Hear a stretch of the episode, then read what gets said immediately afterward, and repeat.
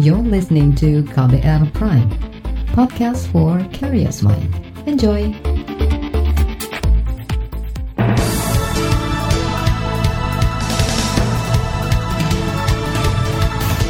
Selamat pagi saudara, senang sekali rasanya saya Reski Mesanto hadir kembali menemani Anda pagi hari ini dengan informasi terupdate di Buletin Pagi edisi 9 September 2020.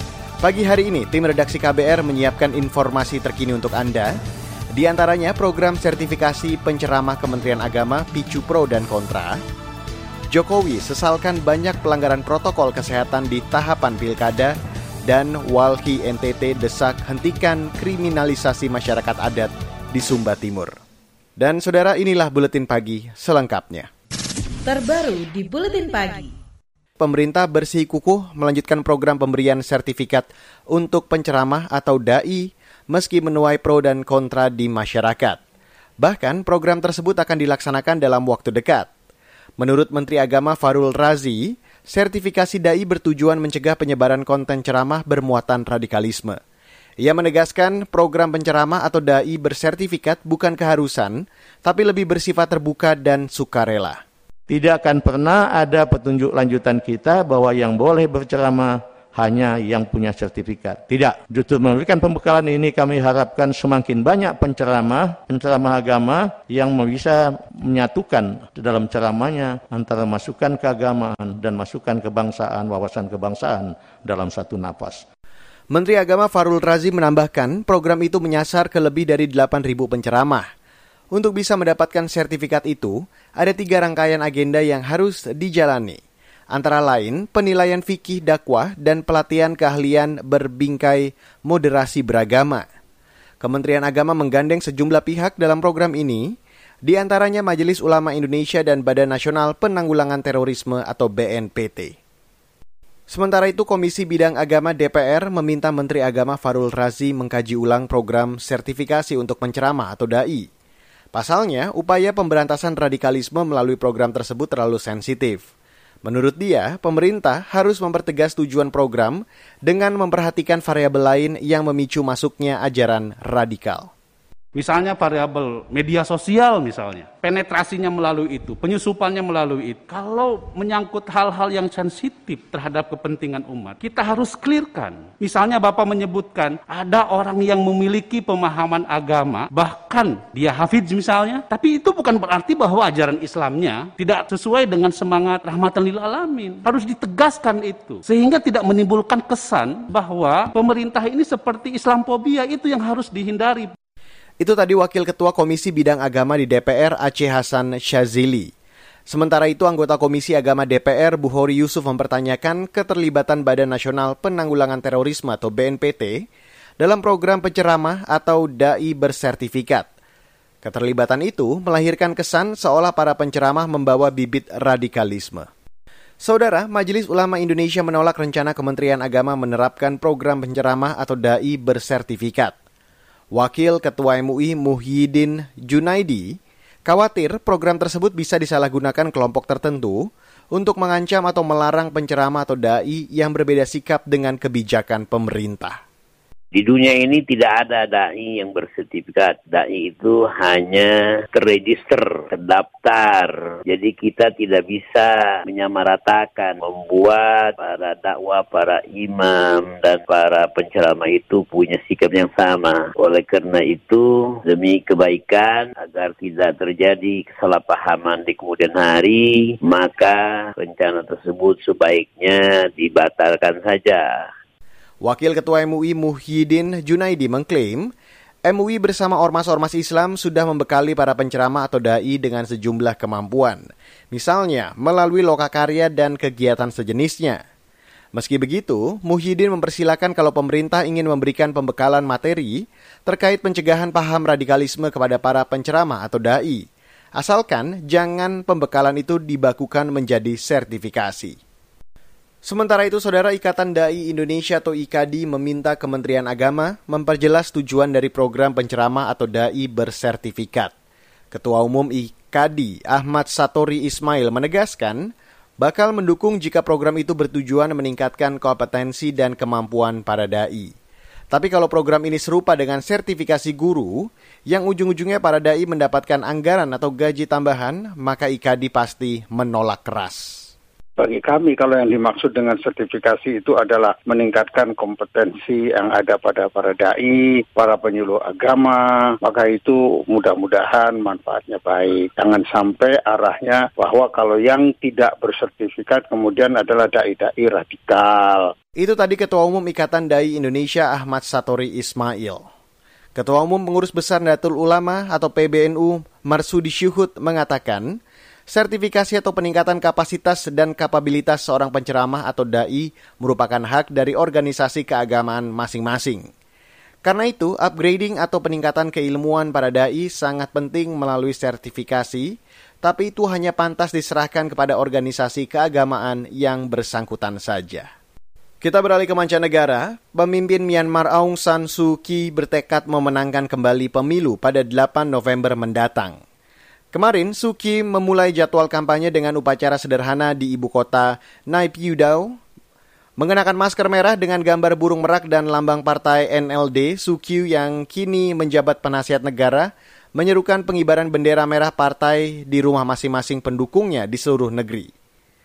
Dalam beberapa pekan terakhir, Myanmar nihil penularan lokal COVID-19, kecuali yang ter terdeteksi di negara bagian Rakhine saja.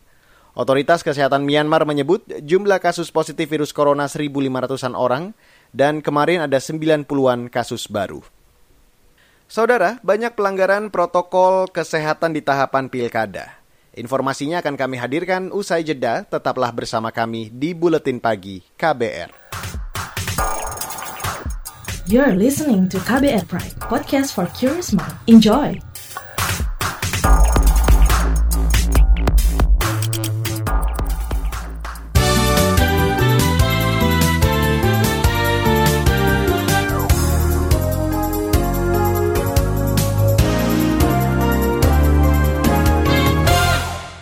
Presiden Joko Widodo meminta aparat penegak hukum termasuk Bawaslu mengawasi secara ketat kegiatan kampanye yang dilakukan peserta pilkada. Alasannya, banyak peserta menggelar konser dukungan yang melibatkan banyak masyarakat dan mengabaikan protokol kesehatan. Masih banyak pelanggaran protokol yang dilakukan oleh bakal pasangan calon. Misalnya masih ada deklarasi bakal pasangan calon pilkada yang menggelar konser yang dihadiri oleh ribuan dan mengundang kerumunan, menghadirkan masa, hal seperti ini saya kira harus menjadi perhatian kita. Dan situasi tidak bisa dibiarkan, sekali lagi tidak bisa dibiarkan. Presiden Jokowi menyatakan penyelenggaraan pilkada tidak bisa ditunda, karena itu kedisiplinan dari semua pihak harus diperketat dalam masa pandemi. Pengetatan protokol kesehatan wajib dilakukan semua pasangan calon, agar tidak menimbulkan masalah baru seperti klaster penyebaran corona akibat kerumunan yang ditimbulkan dari kegiatan pilkada. Pekan lalu, KPU memulai tahapan pendaftaran pilkada serentak. Ketua Komisi Pemilihan Umum atau KPU Arief Budiman mengatakan, pasangan calon pilkada 2020 yang melanggar protokol kesehatan selama tahapan akan diberikan sanksi. Arief menyebut sanksi yang diberikan dalam setiap tahapan berbeda. Kata dia, hal tersebut dilakukan untuk mendisiplinkan paslon saat mengikuti alur kontestasi pilkada. Tentu ada sanksinya, tetapi itu kan di tiap-tiap tahapan itu kan e, berbeda-beda. Misalnya begini, bagaimana kalau di tahapan e, pencalonan, e, kami keluarkan dia nggak boleh daftar dengan melanggar apa namanya melanggar e, protokol kesehatan. Misalnya membawa masa yang banyak, masuk ke dalam area pendaftaran. Kalau di jalan itu kan bukan area yang bisa dijangkau oleh KPU ya. Kami membutuhkan dukungan dari e, aparat keamanan. Ketua KPU Arief Budiman mengatakan sanksi juga dapat diberikan bila paslon melanggar protokol kesehatan saat kampanye. Menurutnya, sanksi ini nantinya dapat berupa penghentian kegiatan kampanye. Senada dengan Arief, Ketua Badan Pengawas Pemilu atau Bawaslu, Aban, menyebut, terdapat dua jenis sanksi yang dapat dikenakan pada paslon, di antaranya sanksi administratif dan pidana. Saudara, jumlah pemeriksaan virus corona antar daerah saat ini masih timpang. Penyebabnya, menurut juru bicara Satgas Penanganan COVID-19 Wiku Adhisa Smito, karena perbedaan kemampuan sumber daya manusia yang dimiliki, termasuk ketersediaan infrastruktur pengujiannya. Ia mendorong setiap kepala daerah menyediakan tes COVID-19 setidaknya sesuai standar Organisasi Kesehatan Dunia atau WHO, yaitu pemeriksaan per orang satu berbanding seribu penduduk per minggu mendorong agar tiap daerah menambah lab testingnya termasuk melakukan kerjasama dengan laboratorium-laboratorium swasta setempat. Khususnya untuk kota-kota besar yang menjadi poros aktivitas sosial ekonomi. Itu tadi juru bicara Satgas Penanganan COVID-19 Wiku Adi Sasmito. Sementara itu, jumlah kasus COVID-19 di Indonesia menembus angka 200 ribu. Kemarin, jumlah kasus bertambah 3 ribuan kasus, sehingga membuat total kasus menjadi lebih dari 200 ribu kasus. Adapun angka kesembuhan bertambah 2.300-an, sehingga total sembuh menjadi lebih dari 142 ribu kasus. Penambahan juga terjadi pada pasien meninggal, yakni 100 orang. Total ada lebih dari 8.200 orang meninggal akibat virus corona. Kita beralih ke informasi selanjutnya, dugaan keterlibatan pimpinan Kejaksaan Agung dalam kasus Jaksa Pinangki Sirna Malasari dibahas dalam ekspos atau gelar perkara kemarin. Sebelumnya muncul kabar yang menyebut Pinangki sudah melapor ke Jaksa Agung ST Burhanuddin untuk mengurus fatwa Joko Chandra di Mahkamah Agung. Jaksa Agung Muda Pidana Khusus Ali Mukartono menyatakan, materi tersebut akan disampaikan di persidangan nanti. Kata dia, selama pemeriksaan penyidikan, Pinangki tidak menjelaskan keterkaitannya dengan Jaksa Agung. Nah, itu dibahas, dibahas. Kan ada yang ada keluar TAP tahap apa namanya itu kedua. Tetapi materinya tidak bisa sampaikan di sini. Nanti di pengadilan akan muncul. Jampitsus Kejaksaan Agung Ali Mukartono menambahkan dugaan percobaan permintaan gerasi Joko Chandra ke Presiden juga tidak terungkap dalam pemeriksaan penyidikan. Kemarin Kejagung menggelar ekspos kasus dugaan gratifikasi Pinangki. Ekspos juga dihadiri KPK, Bares Krim Polri, Kemenko Polhukam, dan Komisi Kejaksaan. Pinangki ditetapkan sebagai tersangka atas dugaan gratifikasi terkait pengurusan fatwa di Mahkamah Agung. Ia diduga menerima suap sebesar 500 ribu dolar Amerika atau setara 7,4 miliar rupiah. Kita beralih ke berita ekonomi. Lembaga Kajian Ekonomi Indef memberi sejumlah usulan kepada pemerintah untuk menghadapi ancaman resesi akibat pandemi COVID-19. Ekonom Indef Bima Yudhistira menyebut, usulan itu antara lain membubarkan Kementerian Koordinator Bidang Maritim dan Investasi, serta Badan Pembinaan Ideologi Pancasila atau BPIP. Kedua lembaga negara ini menurut Bima tidak produktif tapi justru punya anggaran besar. Usul saya konkret, Kemenko Maritim dan Investasi itu dibubarkan. Itu ada penghematan luar biasa. Dibubarkan itu karena ada ada saving 200-an miliar kan lumayan tuh buat uh, stimulus UMKM, kesehatan, perlindungan sosial. Kalau menurut saya, potong gaji semua eselon 1, termasuk juga menteri tunjangan-tunjangannya dihabisin. Bukan cuma tunjangan perjalanan dinas ya. Kalau perjalanan dinas emang udah pasti udah udah nggak nggak ada perjalanan dinas selama pandemi. Tunjangan-tunjangan lainnya, tunjangan jabatan dan segala macam itu harusnya dipotong. Ekonom Indef Bima Yudhistira juga mengusulkan Presiden agar tidak menerima gaji dan tunjangan selama tiga bulan. Selain itu, ia menyarankan Bank Indonesia menurunkan suku bunga acuan 100 basis poin dari saat ini 4% menjadi 3%. Menurut Bima, suku bunga harus lebih rendah supaya uang berputar hingga ke sektor real. Kita beralih ke berita olahraga. Wakil Presiden Komite Olimpiade Internasional atau IOC John Coates menegaskan Olimpiade Tokyo akan digelar 23 Juli tahun depan meski wabah COVID-19 masih mengancam. IOC juga merencanakan upacara pembukaan dan penutupan Olimpiade yang biasanya begitu semarak akan digelar secara sederhana. Para staf dan delegasi dari masing-masing negara jumlah pesertanya akan dibatasi. Sementara itu, Kepala Eksekutif Olimpiade Tokyo Toshiro Muto mengatakan, Olimpiade juga akan dilangsungkan dengan penonton terbatas. Kata dia, keberadaan vaksin virus corona bukanlah prasyarat untuk tetap menggelar Olimpiade. Olimpiade Tokyo akan diikuti 11 ribuan atlet dari 200-an negara. Saudara, laporan khas KBR bertajuk kriminalisasi terhadap tokoh adat Laman Kinipan akan kami hadirkan usai jeda, jadi tetaplah bersama kami di Buletin Pagi KBR. You're listening to KBR Pride, podcast for curious mind. Enjoy!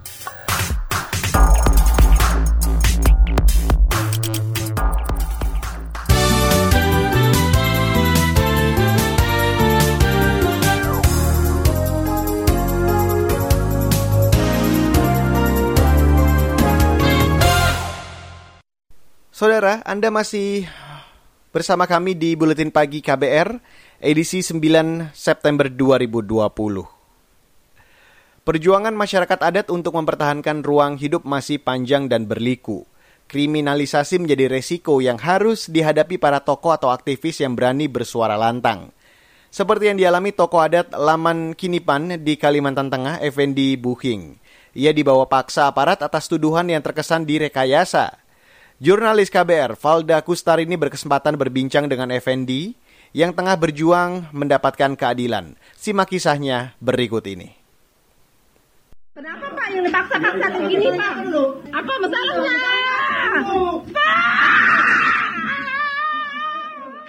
Ini adalah cuplikan detik-detik Ketua Komunitas Adat Laman Kinipan, Effendi Buhing, dibawa paksa aparat.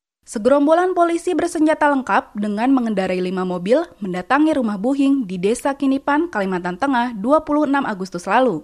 Mereka membawa surat perintah penangkapan Buhing atas tuduhan terlibat pencurian dengan kekerasan gergaji mesin milik PT Sawit Mandiri Lestari atau PT SML. Sontak, Buhing yang merasa tak bersalah berontak saya baca surat perintah penangkapan. Langsung saya bergetar juga jantung. Uh, memang nama saya sudah itu atas dugaan menyuruh di situ melakukan pencurian dengan kekerasan. Saya berontak. Kebetulan istri saya ada HP, saya bilang rekam, saya bilang saya tidak mau. Bukan penjahat, Pak. Bapak, ini bukan penjahat, bukan penjahat, Pak.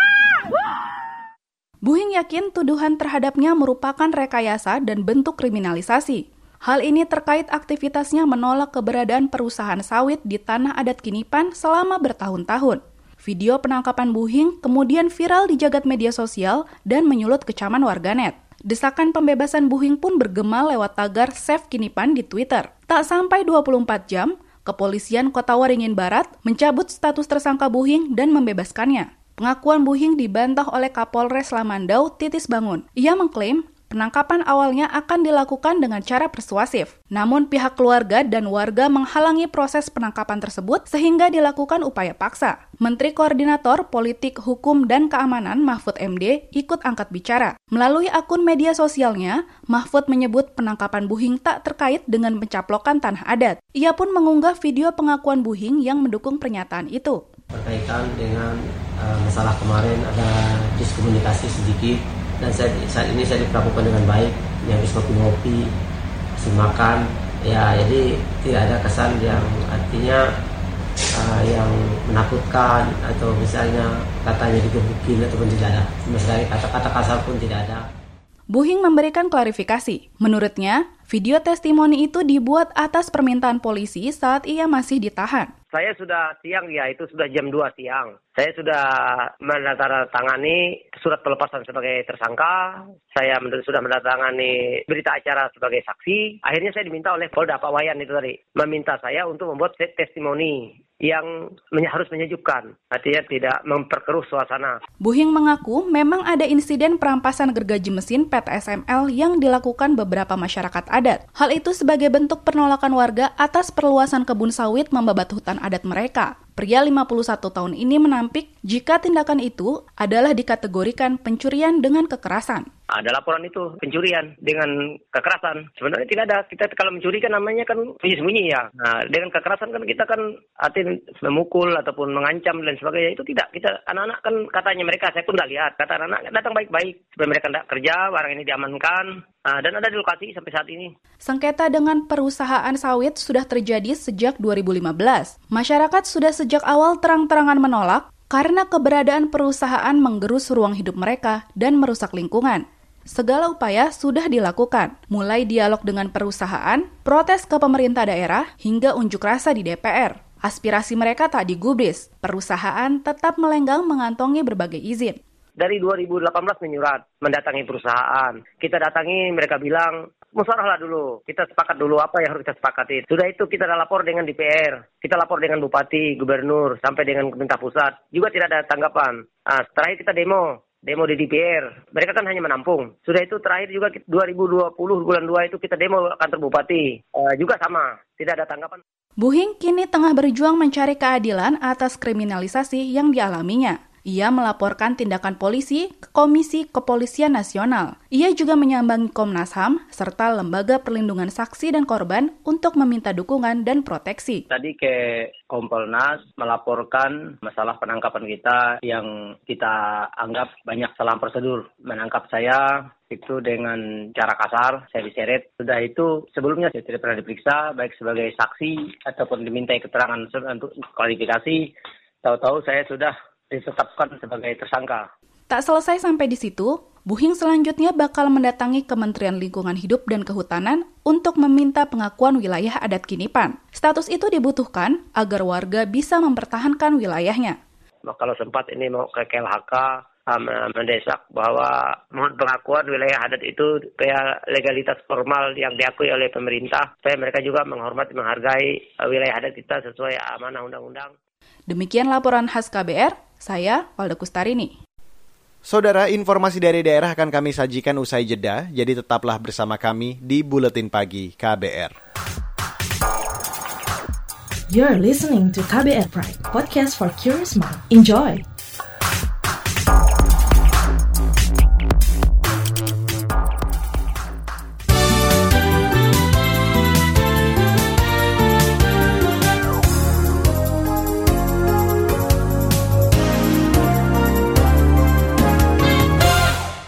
Dan inilah bagian akhir Buletin Pagi KBR. Wahana Lingkungan Hidup atau WALHI Indonesia Wilayah Nusa Tenggara Timur atau NTT dan komunitas Sabana Sumba menuntut dihentikannya kriminalisasi terhadap tiga orang masyarakat adat di Desa Patawang, Sumba Timur. Mereka adalah Haputa Rambiha, Baron Kapengan Tanah Mba, dan Retang Hadim Biwa. Kemarin ketiganya ditahan kepolisian setempat atas sangkaan pengeroyokan dan perusakan barang milik perusahaan PT MSM. Padahal menurut perwakilan Walhi NTT, Petrus Sendambung, ketiganya hanya mencoba menghentikan aktivitas perusahaan yang beroperasi di lokasi peribadatan adat atau Katuada Padang di Nyuara Ahu. Pemerintah harus menjamin kebebasan beribadah maupun uh, perjuangan atas hak-hak uh, masyarakat adat atas tanahnya yang selama ini sudah berlangsung uh, dari tahun 2016. Permintaan Walhi maupun Sabana Sumba, uh, pemerintah harus menyelesaikan semua persoalan atau sengketa lahan secara khusus di Desa Patawang maupun di enam kecamatan lain yang menjadi wilayah konsesi dari PT Muria Sumba Manis. Perwakilan Walhi NTT Petrus Sendambung mendesak pemerintah menyelesaikan secara adil dan objektif sengketa lahan di desa Patawang serta wilayah lain yang menjadi konsesi PT MSM. Sengketa lahan di desa Patawang terjadi sejak 2016 lalu. Saat itu masyarakat adat desa Patawang menilai proses investasi PT MSM tidak sesuai prosedur. Terutama pada lahan-lahan yang oleh masyarakat adat ditetapkan sebagai tempat ritual di Nyuara Ahu. Aksi penolakan masyarakat tidak pernah mendapat respon positif pemerintah daerah. Saudara perusahaan pupuk Petrokimia Gresik memberhentikan tiga penyalur pupuk bersubsidi di Magetan, Jawa Timur. Pemberhentian itu dikarenakan mereka melanggar aturan, yaitu menjual pupuk bersubsidi kepada para petani yang tidak masuk rencana definitif kebutuhan kelompok atau RDKK. Selain itu, menurut staf penjualan daerah, pemasaran Petrokimia Gresik, Endi Susilo, mereka juga menjual pupuk bersubsidi di atas harga yang ditentukan. Dia harus ada di RDKK, kemudian dia harus uh, memberi edukasi kepada petani, kemudian tidak menjual di atas harga eceran yang ditentukan oleh pemerintah. Itu kaidah-kaidah uh, penyaluran pupuk bersubsidi. Yang ini saya akan cek seluruh kios, jumlah 147. Dan nanti kalau memang benar-benar terbukti dia tidak sesuai dengan peruntukannya, jelas kami akan sanksi dan bisa kami ganti seperti itu. Staf penjualan daerah pemasaran petrokimia Gresik Endi Susilo. Sementara itu, Kepala Dinas Perindustrian dan Perdagangan Magetan, Sucipto mengaku sudah mengawasi 147 kios penyalur pupuk bersubsidi. Mereka juga segera mengganti tiga penyalur yang melanggar aturan. Sebelumnya, petani di Desa Gebyong, Magetan mengeluhkan jumlah pupuk bersubsidi yang beredar tidak sesuai ketentuan kuota. Petani resah dan menuntut transparansi kuota. Saudara, informasi tadi menutup jumpa kita pagi hari ini di Buletin Pagi. Pantau juga informasi terbaru melalui kabar baru, melalui website kbr.id, Twitter kami at berita KBR, serta podcast di kbrprime.id. Akhirnya saya, Reski Mesanto, mewakili tim redaksi yang bertugas pagi hari ini. Kami undur diri. Salam.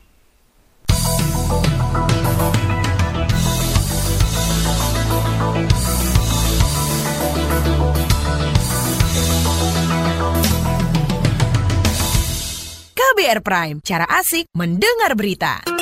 KBR Prime, podcast for curious mind.